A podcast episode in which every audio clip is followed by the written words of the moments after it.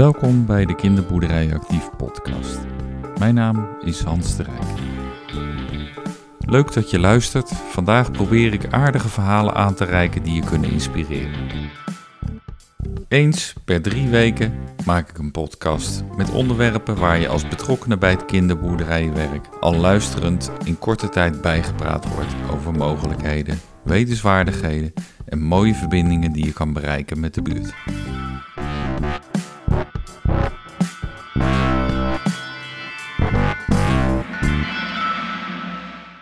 Grondstof of e-waste. Deze podcastaflevering gaat over grondstoffen, e-waste en hoe gaan we er nou mee om. Hoe gaan we ermee om op de kinderboerderij, maar ook in een iets groter geheel. In Nederland wordt een hoop geproduceerd en dat betekent ook dat er afval is. E-waste afval, oftewel oude elektrische apparaten. Wat kunnen kinderboerderijen nou betekenen in de voorlichting naar Nederlanders hierover? Of de mogelijkheid om een heel klein beetje mee te helpen aan het recyclen, het hergebruiken van de grondstof. In deze podcast probeer ik daar een beetje beeld van te geven. Heel veel kinderboerderijen weten het, want bijna de helft is inleverpunt voor recycle. Maar een beetje achtergronden, als het ingeleverd wordt, wat gebeurt er dan mee? Ik spreek zo met Mark Tilstra van Stichting Open en hij legde uit wat er met de ingeleverde apparaten gebeurt. Wat betekenen de kinderboerderijen voor uh, Recycle Stichting Open?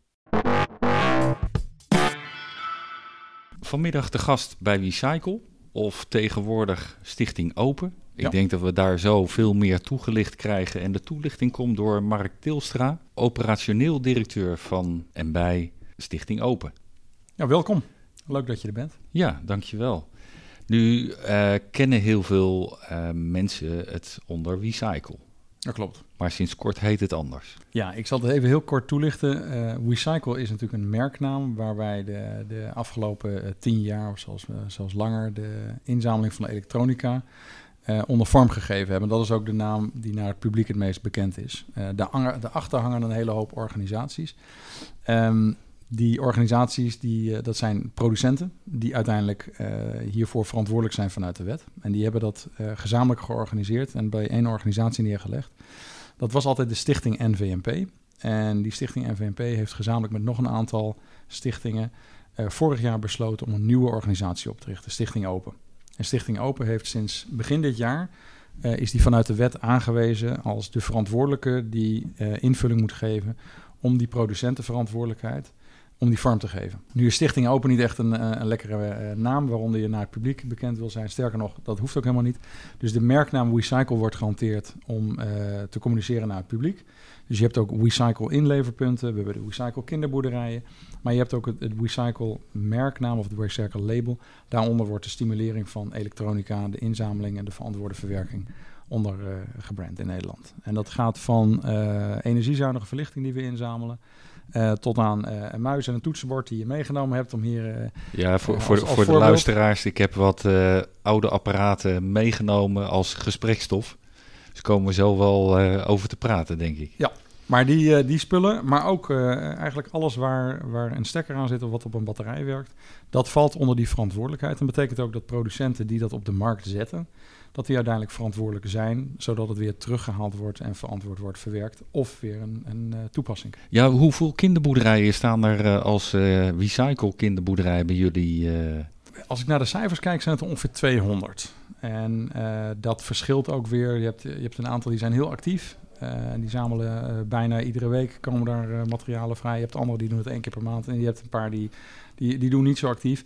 Nou, op zich hoeft dat ook niet. Hè? Want eh, ehm, als je kijkt naar de, de rol die kinderboerderijen hebben voor recycle, is dat een hele belangrijke educatierol. En het is belangrijk dat je ook een, een, een, een, een handeling bij die educatie aan kunt koppelen. Dus het is mooi als je iets kunt inleveren en dat faciliteren we ook. Maar het is duidelijk niet voor ons datgene waar wij hele grote volumes langs willen leggen. Dus dan moet je denken aan toetsenborden, muizen, dat soort eh, apparatuur. Mij is wel eens verteld, alles wat in een boodschappentas past. En aan de andere kant, ik heb het links en rechts wel eens bij eh, boerderijen gevraagd. Nou, ik heb nog nergens gehoord dat mensen onderin eh, de kinderwagen een eh, wasmachine kwamen inleveren. Nee. Dus is ook het gemak uh, om het mee te kunnen nemen. Ik denk dat het een hele goede stimulering is om juist ook de, de, het, de, de, locatie van de kinderboerderij, waar het toch om gaat om, om dichter bij, nou ja, bij dieren en bij de natuur te komen, om daar ook die verbinding te maken met circulariteit, met het, met het terugwinnen van grondstoffen, met het hergebruiken van, uh, van apparaten en materialen.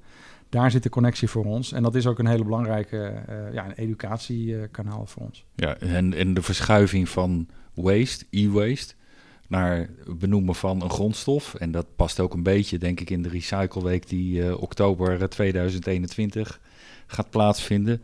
Ja, eigenlijk spelen de kinderboerderijen een klein rolletje in die uh, grondstoffenverplaatsing. Ja, absoluut. Het, het, is een klein rolletje. Het is wel een, een, een, belangrijke rol. Je hebt altijd vanuit, als je kijkt vanuit de, de communicatieperspectief, dan heb je altijd kennis, houding en gedrag. Het mhm. gaat erom, we proberen de kennis te verhogen, het belang te verhogen van, van mensen, uh, dat, men zich bewust is van het belang van, uh, van inleveren. Uh, het is de houding, hè. Hoe, hoe zorg je ervoor dat iemand ook gedreven wordt om dat te gaan doen? Mhm. En het is uiteindelijk het gedrag. Hoe zorg je ervoor dat hij daadwerkelijk dat gaat doen? Ja. Nou, zeker in die eerste twee, dus de kennis en de houding, daar spelen kinderboerderijen een ongelooflijke belangrijke rol. hebben ze gedaan en blijven ze denk ik ook in de komende jaren nog doen. Ja, en, en kinderboerderijen die 75 eh, apparaten per jaar inleveren, mhm. eh, die krijgen eh, ook een vergoeding van jullie. Ja, dat is een kleine vergoeding, dus het gemoedkoming. Maar het is puur een stimulering om toch ja, ook die, die activiteiten die ze doen, om dat een beetje te belonen. En voor sommigen is dat die 250 euro al een, een, aardig bedrag op de begroting. Voor anderen minder, maar dan hebben ze wel weer iets anders om richting bezoekers te zeggen. Je kan ook langskomen en dit meenemen. Ja. En naast die lamp uh, een adapter liggen en een uh, toetsenbord van een computer. Ja. Um, ik la eh, laat hem vandaag misschien wel hier bij jullie achter. Uh, als dank voor het gesprek. Doen we graag. Um, maar wat is nu het, het, meest waardevolle van deze twee voor het hergebruik? Um, een belangrijk ding om te weten is dat ze allemaal even waardevol zijn. Mhm. Eh, want je hebt de waarde die gaat eruit van de, van de grondstoffen die je eruit haalt. En je hebt de waarde die gaat eruit van de, noem maar even de metalen en, en, de, en de waardevolle grondstoffen die je daaruit uh, uit kunt terugwinnen. Uh, het belang is dat ze allemaal goed ingeleverd worden en dat ze niet de verbrandingsoven ingaan. Dat is denk ik het, het eerste. Tweede wat je aangeeft is, er ligt inderdaad een toetsenbord, er ligt een adapter en je zegt er ligt een lamp. Dat klopt, maar eigenlijk is, noemen we dat een armatuur. Want in het armatuur zit het lampje zelf. En ook het armatuur is, is belangrijk om dat in te leveren. En ook dat, ja, dat zien we toch vaak dat dat nog, nog vergeten wordt. En dan zien we dat bijvoorbeeld kerstverlichting in de, in de kliko verdwijnt. Mm is ook super belangrijk om dat in te leveren. Als je nu kijkt naar die materialen, uh, is het misschien goed om eerst uh, nog toe te lichten wat ermee gebeurt. Als iets mhm. bij een kinderboerderij wordt ingeleverd, dan gaat het in een inleverbak. Daar hebben we um, uh, verschillende modellen voor. Maar het gros wat er bij de kinderboerderij staat, zijn, die zijn de, de, de witte, wij noemen dat keiboxen. Die grote groene Die grote bakken. groene bakken, ja. Die staat vaak in een, in, in een inlevermeubel. Um, en daarin kunnen die, de apparaten gedeponeerd worden. Dus zo'n toetsenbord of een adapter gaat erin. Dan kan een kinderboerderij kan dat aanmelden. En dan zorgen wij ervoor dat het opgehaald wordt. Dat besteden wij uit. Dat materiaal gaat vervolgens naar een locatie en die sorteert het uit naar um, verwerkingsfracties, zoals die heet. Is eigenlijk een beetje de samenstelling van een bepaald product, wat bepaalt of het door een bepaalde manier verwerkt kan gaan worden. Um, deze producten, een armatuur, een adapter en een toetsenbord, gaan in dezelfde verwerkingsfractie. En dat betekent ook dat ze daarna door dezelfde verwerkingsmechaniek heen gaan. En wat recycling eigenlijk wil zeggen, is eerst op een mechanische en daarna op een, op een steeds andere manier scheiden van materialen. Zodanig dat we de kunststoffen die in een toetsenbord zitten eruit kunnen halen. De kopers die in het, in het kabeltje zitten eruit kunnen halen. En de metalen die eventueel in een printbord uh, zitten. Uh, is alles te recyclen? Zeg nee. maar 100%? Nee, dat is uh, eh, 100% eigenlijk is nooit. En recyclen is natuurlijk altijd een, een ja, wat is recyclen? Eh, wil je zeggen dat je de product of de grondstoffen eruit haalt? Of zeg je nee, recyclen betekent dat het product weer, weer hergebruikt wordt? Dus je hebt daar verschillende gradaties in.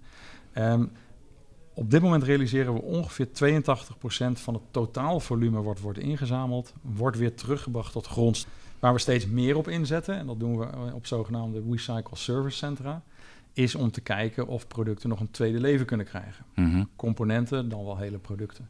Ja. Um, dus dat, en dat krijgt steeds meer vorm. Ja, nu, nu ga ik aan het eind, eind een quizvraag uh, stellen. Ja. Eh, Waar jij denk ik het antwoord op weet, volgens mij hebben jullie wel eh, het onderzocht. En misschien moeten we het niet vertellen, maar ben ik wel benieuwd eh, Mhm. of eh, luisteraars eh, gaan reageren met het goede antwoord. Ja. Hoeveel apparaten mensen gemiddeld in huis hebben? Dat hebben we inderdaad eh, onderzocht. Ja, nou dan mag je daar mij straks buiten dit eh, vertellen. Ja. En dan ben ik benieuwd of eh, mensen het juiste antwoord gaan geven. Ga zelf tellen of doe een schatting. Maar meestal denk ik dat je ietsje hoger moet zitten dan je in eerste instantie denkt. Het, dat klopt. En hou ermee rekening. Alles wat werkt op een batterij of een stekker aan zit, telt hierin mee. Maar ook de dingen die eh, ergens ingeschroefd zijn. Eh, en energiezuinig verlichting. Dus eh, Nou, stel voor, succes met tellen. een opdracht voor thuis. Dankjewel voor dit gesprek en de toelichting. En ik denk dat we aan de achterkant van die mooie groene bakken weer een stukje wijzer zijn geworden wat ermee gebeurt. Graag gedaan en heel erg bedankt voor de samenwerking.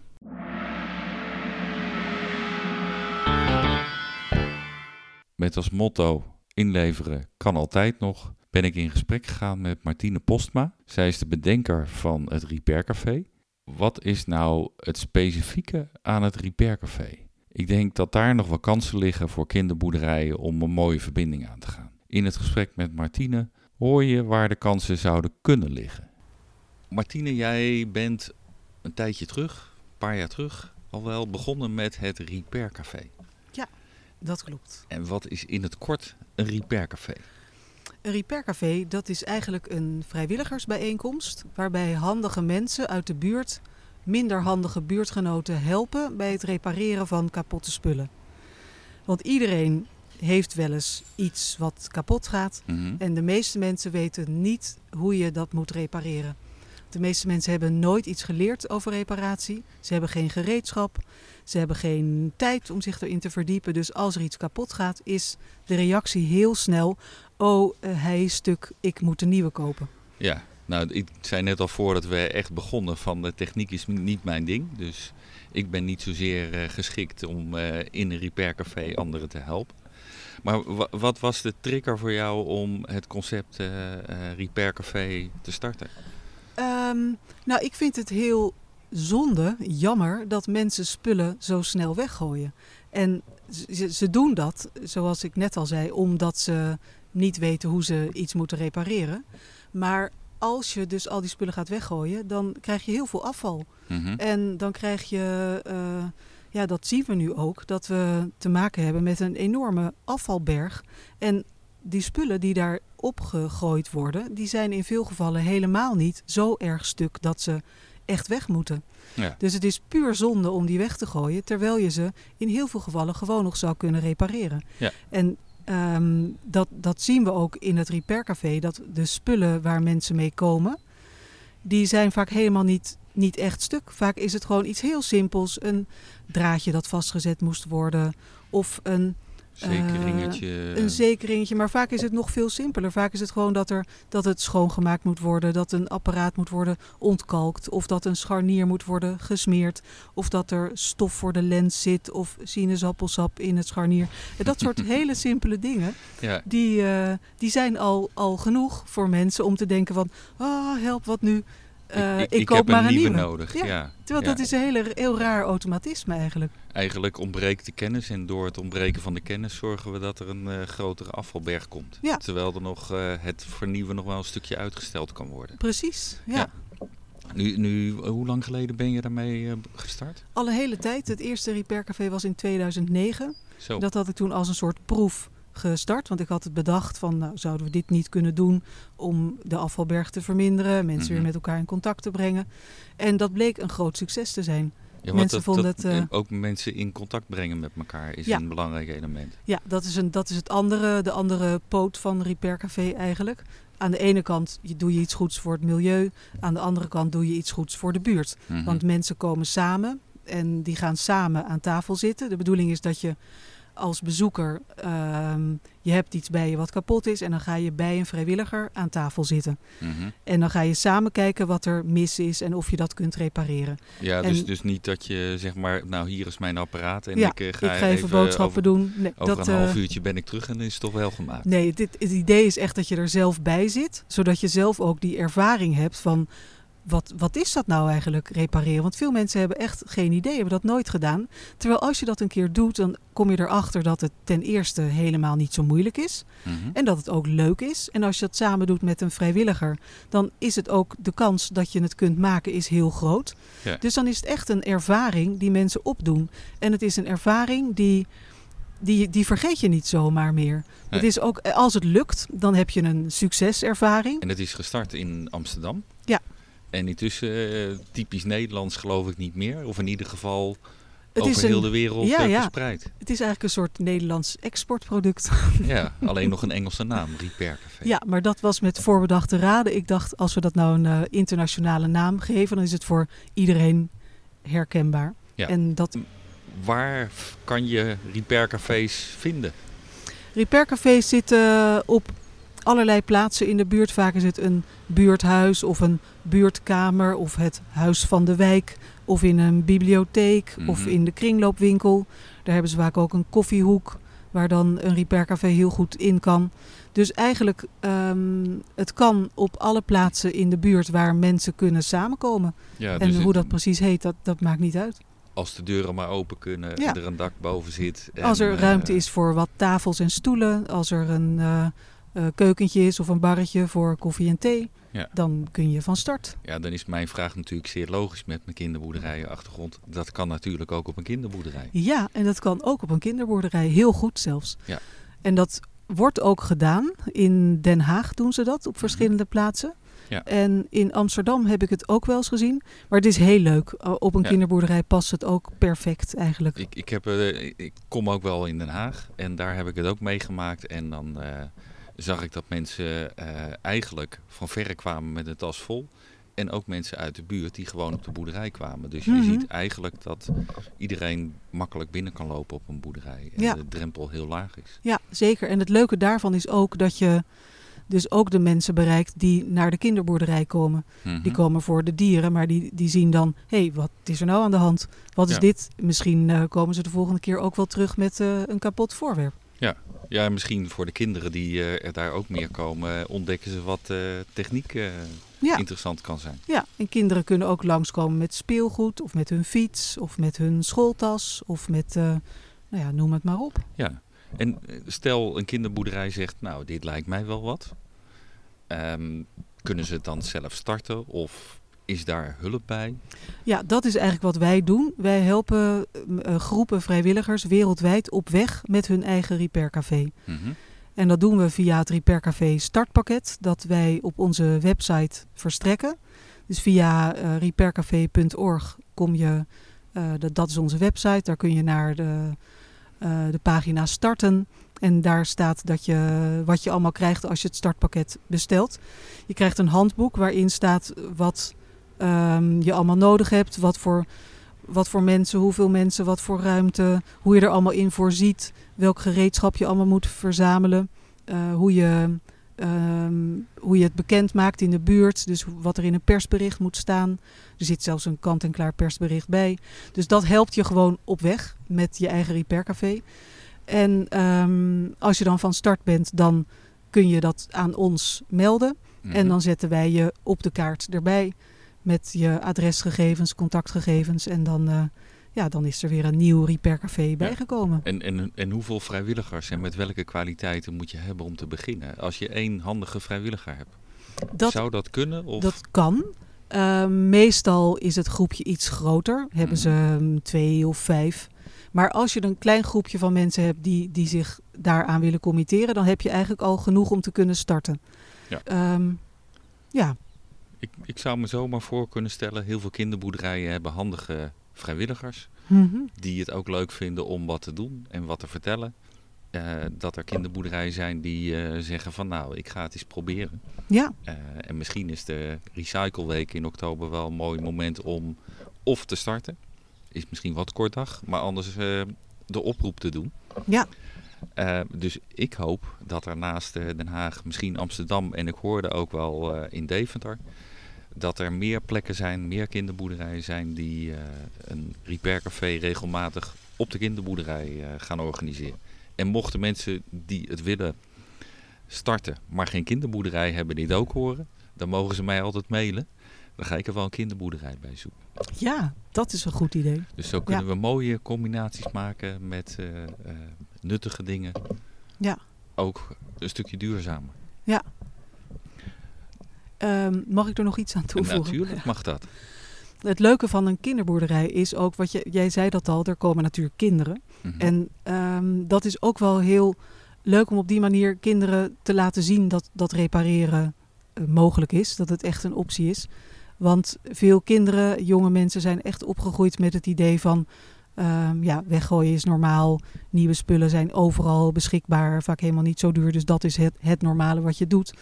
Terwijl de oudere generatie, die, die, die denkt dan nog wel aan repareren soms. Mhm. Mm -hmm. Dus uh, voor repaircafés, veel repaircafés proberen ook om jongere, een jongere generatie te bereiken.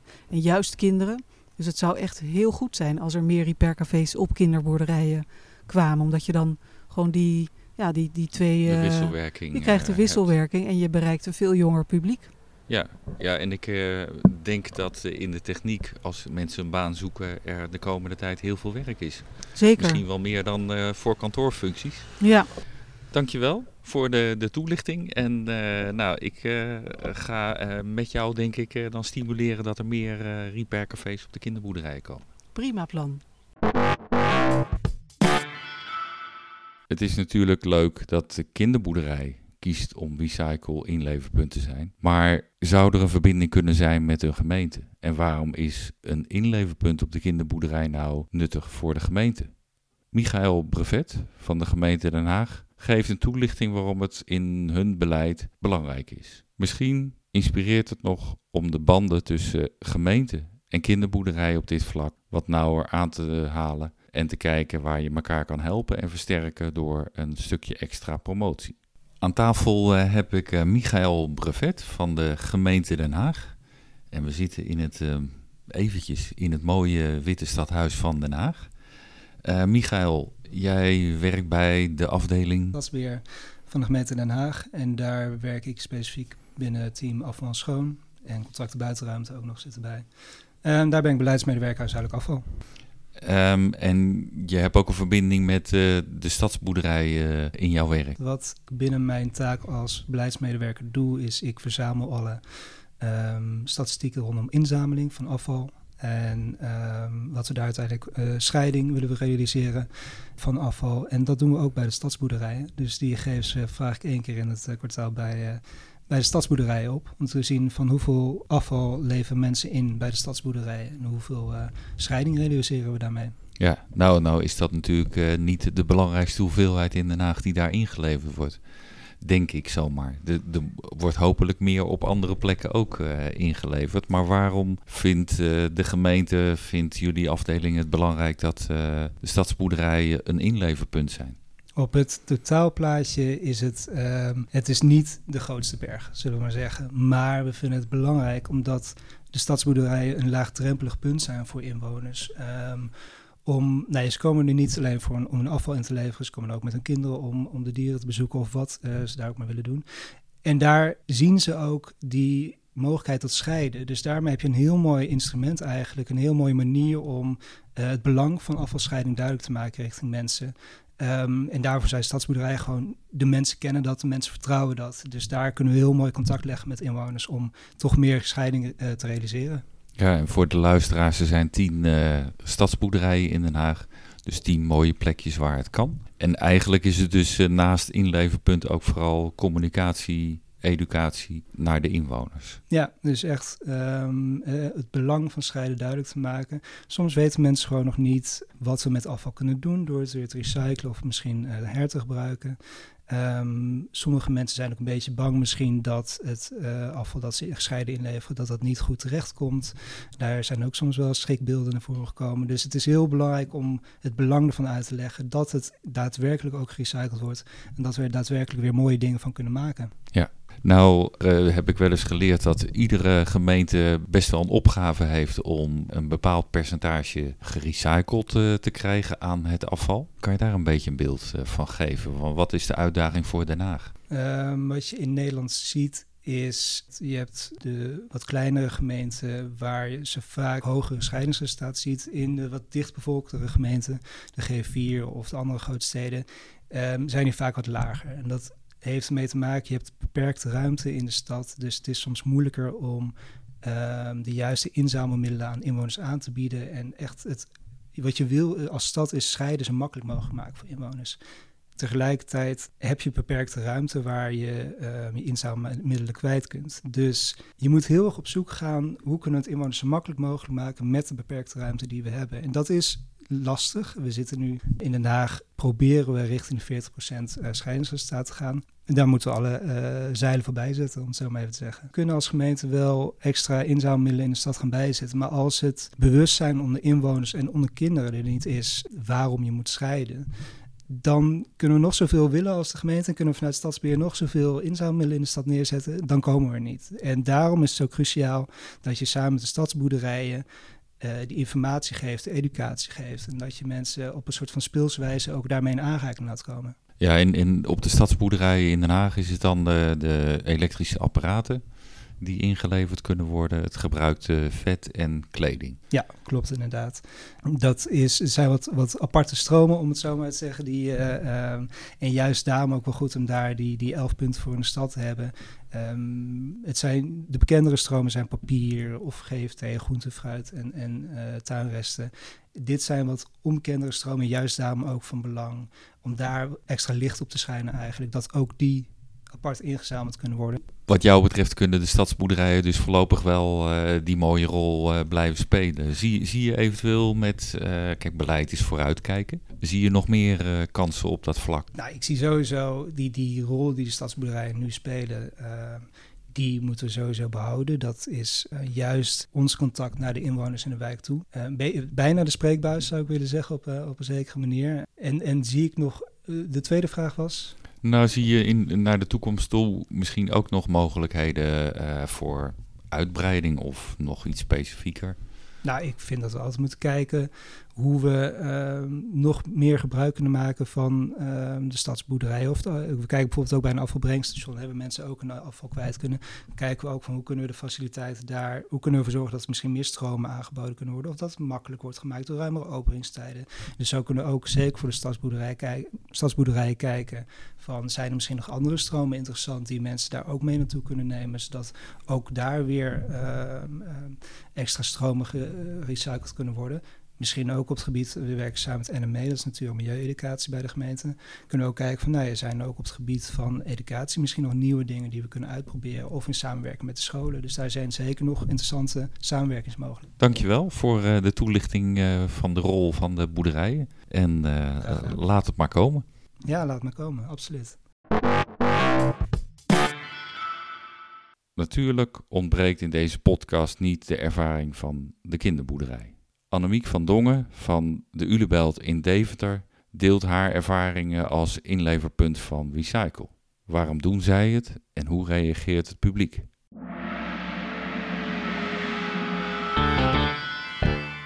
Vandaag op een zonnige dag uh, op bezoek bij de Ulebelt in Deventer. Bij de microfoon heb ik uh, Annemiek van Dongen. Kan jij kort omschrijven wat de Ulebelt is voor mensen die het niet kennen? De Ulebelt is een educatieve stadsboerderij in uh, de Vijfhoek in Deventer. Het is een uh, terrein van 7 hectare groot, waar we heel veel plek hebben waar, waar, dieren zijn. Geitjes, die liepen net ook langs. We hebben paarden, varkens, kippen en konijnen. Een mooie konijnenopvang ook en een datingbureau voor konijnen. Datingbureau zelfs? Ja, dat is geweldig. Als je een konijn hebt dat alleen is overgebleven, kan je hem hier komen brengen. En dan uh, kijken we welk konijn uh, erbij past, of het klikt. Maar, maar, jullie doen ook behoorlijk wat met uh, duurzaamheid? Ja, we zijn echt een expertisecentrum duurzaamheid. Dus we geven ook informatie aan de gemeente Deventer en alle inwoners van Deventer over regenwater afkoppelen. over voedsel, hoe je dat uit de regio kunt halen met voedselcoöperaties. Uh, voor energiebesparing uh, zetten we ons in hoe je je huis kunt verduurzamen. Nou ja, op, op uh, tal van vlakken kunnen we de, ja, de gemeente van informatie voorzien. Ja, en, en, en grondstoffen? De, mensen kunnen hier ook met grondstoffen terecht of voor grondstoffen. Klopt. En grondstoffen, dit term is nog een beetje onbekend. We hadden het altijd over afval. Mhm. Maar we leven in een maatschappij waarin we zo ontzettend veel afval produceren dat, we, uh, dat het eigenlijk niet meer verantwoord is om over afval te spreken. Want daarmee raakt uh, de aarde op. We kunnen niet een oneindige hoeveelheid hout blijven kappen of een oneindige hoeveelheid olie blijven produceren voor plastic. Dus we moeten dat recyclen of hergebruiken. Ja. Toen ik hier aankwam, uh, liep ik bijna figuurlijk tegen een uh, luiercontainer aan. Nou ben ik al een tijdje uit de luiers uh, en nog niet in de luiers. Maar ook die kunnen hier ingeleverd worden. Ja, dat klopt. En dat uh, is een tijdje zoeken geweest voor de afvalverwerking om daar een goed uh, nieuw product van te maken. Maar inmiddels gaat dat. En uh, wordt compost, hè, wat, wat uit de, de, inhoud van de luier gehaald wordt. En het plastic wordt allemaal weer netjes gescheiden en wordt allemaal weer nieuw op de markt gebracht. Compost kunnen we natuurlijk gebruiken om planten van te laten groeien. En plastic, ja, daar kun je weer nieuwe luiers van maken. Ja. En, en die keuze om dat hier te doen, die luiers, heeft het ook te maken met de doelgroep? Moeders met vaders met opa's en oma's met kleine kinderen? Die komen hier veel, want we zijn gewoon een kinderboerderij. Dus dat, dat is wel een logische gedachte geweest om dat hier ook te doen? Ja, ja zeer zeker. Nu, nu hebben jullie ook uh, sinds kort een heel mooi uh, meubel voor e-waste, recycle inzamelmeubel. En vet, uh, gebruikt vet en olie dat is een overweging geweest uh, uh, van een aantal jaar terug. Wat was de belangrijkste reden dat jullie dat zijn gaan doen? Het gaat heel erg goed in Deventer met afvalscheiding. Maar het kan natuurlijk altijd nog beter. En uh, wat ik net al aangaf, we gebruiken zoveel grondstoffen. Nou, bijvoorbeeld metaal is een, is een grondstof ja, waarvoor de aarde behoorlijk beschadigd wordt omdat te delven. Mijnbouw is, is heel erg schadelijk. Dus als we dat toch al gedolven hebben, bijvoorbeeld in een mobiele telefoon zitten heel veel verschillende soorten metalen, dan kun je beter zorgen dat die weer hergebruikt worden. Mm -hmm. Nou, door die in te leveren bij de Ulebelt in het e-waste uh, vak, uh, zorgen we ervoor dat die metalen weer op de goede plek terechtkomen en dat daar weer nieuwe dingen van gemaakt kunnen worden. En zo worden bijvoorbeeld de, de, de, medailles van de Olympische Spelen. Hier ingeleverd? Nou, die worden gemaakt van uh, gerecycled goud. En dat okay. komt bijvoorbeeld uit mobiele telefoons. Ja, nou, dat wist ik nog niet. Dus uh, heb ik vandaag ook weer wat, uh, wat geleerd. Dus de, de verkoop om het hier in te leveren is ook... het is goed voor het milieu, de duurzaamheid en goed voor de Udebelt. jullie promoten het ook, en ik heb het hier zo voor me, een mooie poster die mensen ook thuis op kunnen hangen om te kijken wat moet waar. Nu staan er een aantal mooie mannetjes, figuurtjes op. Die hebben een speciale naam. Hoe zei je? Ja, frumbels noemen frumbels. we die. En wat, uh, wat is de betekenis van die frumbels? Nou, die frumbels die, die kijken een beetje zuur, want die hebben allemaal afval. En jeetje, wat moet ik daar nou toch mee? Nou, gelukkig staat er een bordje breng het naar de Ulebelt. En uh, op de achterkant zie je dan ook dat ze heel blij zijn. En dat is eigenlijk ook waar we naartoe willen. Dat we dat je je gaat realiseren, afval wegbrengen is eigenlijk omgekeerd boodschappen doen. Want het is gewoon heel erg waardevol wat je in handen hebt. Dat zijn grondstoffen die we gewoon opnieuw kunnen gebruiken. Dus als ik het vertaal, dan uh, zou ik zomaar denken dat de politiek en de gemeente in Deventer heel blij mag zijn met de Ulebelt. Als plek waar heel veel bezoekers uh, wat leren en wat kunnen inleveren en wat kunnen ervaren. Er is hier heel veel kennis over duurzaamheid. Ook over duurzaam bouwen, over energiegebruik, over voedsel. Uh, dat is allemaal bekend bij de Ulebelt. We kunnen dat uh, laten zien op verschillende manieren. Gewoon op ons terrein, over hoe we het zelf hebben ingericht. Uh, maar ook gewoon de kennis die we hebben kunnen we delen. Als, als ik het zo hoor, is het niet alleen ter inspiratie van mensen uit Deventer. Maar lijkt het me ook best inspirerend, en dat heb ik ook net gezien toen we een rondje maakten voor mensen uit het kinderboerderijvak om hier eens langs te komen, ideeën op te doen, met jullie erover te hebben, eh, om inspiratie op te doen voor hun eigen plek. Ja, sowieso is het heel erg leuk om uh, ook mensen van andere kinderboerderijen te ontmoeten. En de uitwisseling is, is gewoon altijd ontzettend vruchtbaar van twee kanten. Dus als je het leuk vindt om een keer op de Ulebel te komen kijken, ben je zeker welkom. Fantastisch. Met deze mooie uh, uitnodiging, uh, aanbod, sluiten we het af en uh, ga, ga ik nog even rondkijken hier. Dankjewel voor het gesprek. Graag gedaan. In deze podcastaflevering heb ik geprobeerd wat verschillende invalshoeken te laten horen van het inleveren, het recyclen, het hergebruiken van grondstof en de rol die een kinderboerderij op het vlak van e-waste daarin kan hebben. Mag ik jullie eh, helpen herinneren dat er nog een uh, antwoord te geven is over hoeveel apparaten mensen nu in huis hebben? Laat het me weten. Ik ben benieuwd wat jullie gedachten zijn. En ben je nog geen inleverpunt als kinderboerderij? Het is eenvoudig te regelen. Kijk op recycle.nl en meld je aan. Laatste in deze podcast wil ik ook even Ted van Hintem noemen. Want als we bijna tien jaar geleden niet samen hadden gekeken van hoe zouden kinderboerderijen kunnen passen in het plaatje van Recycle, had ik deze podcast denk ik nu niet gemaakt. Dus Ted, dank voor het geduld en de aanpak. Ik denk dat heel veel kinderboerderijen en bezoekers er blij mee zijn. En uit de woorden van Mark Tilstra blijkt dat ook Recycle er nog steeds heel blij mee is. Dank voor het luisteren vandaag en tot de volgende keer.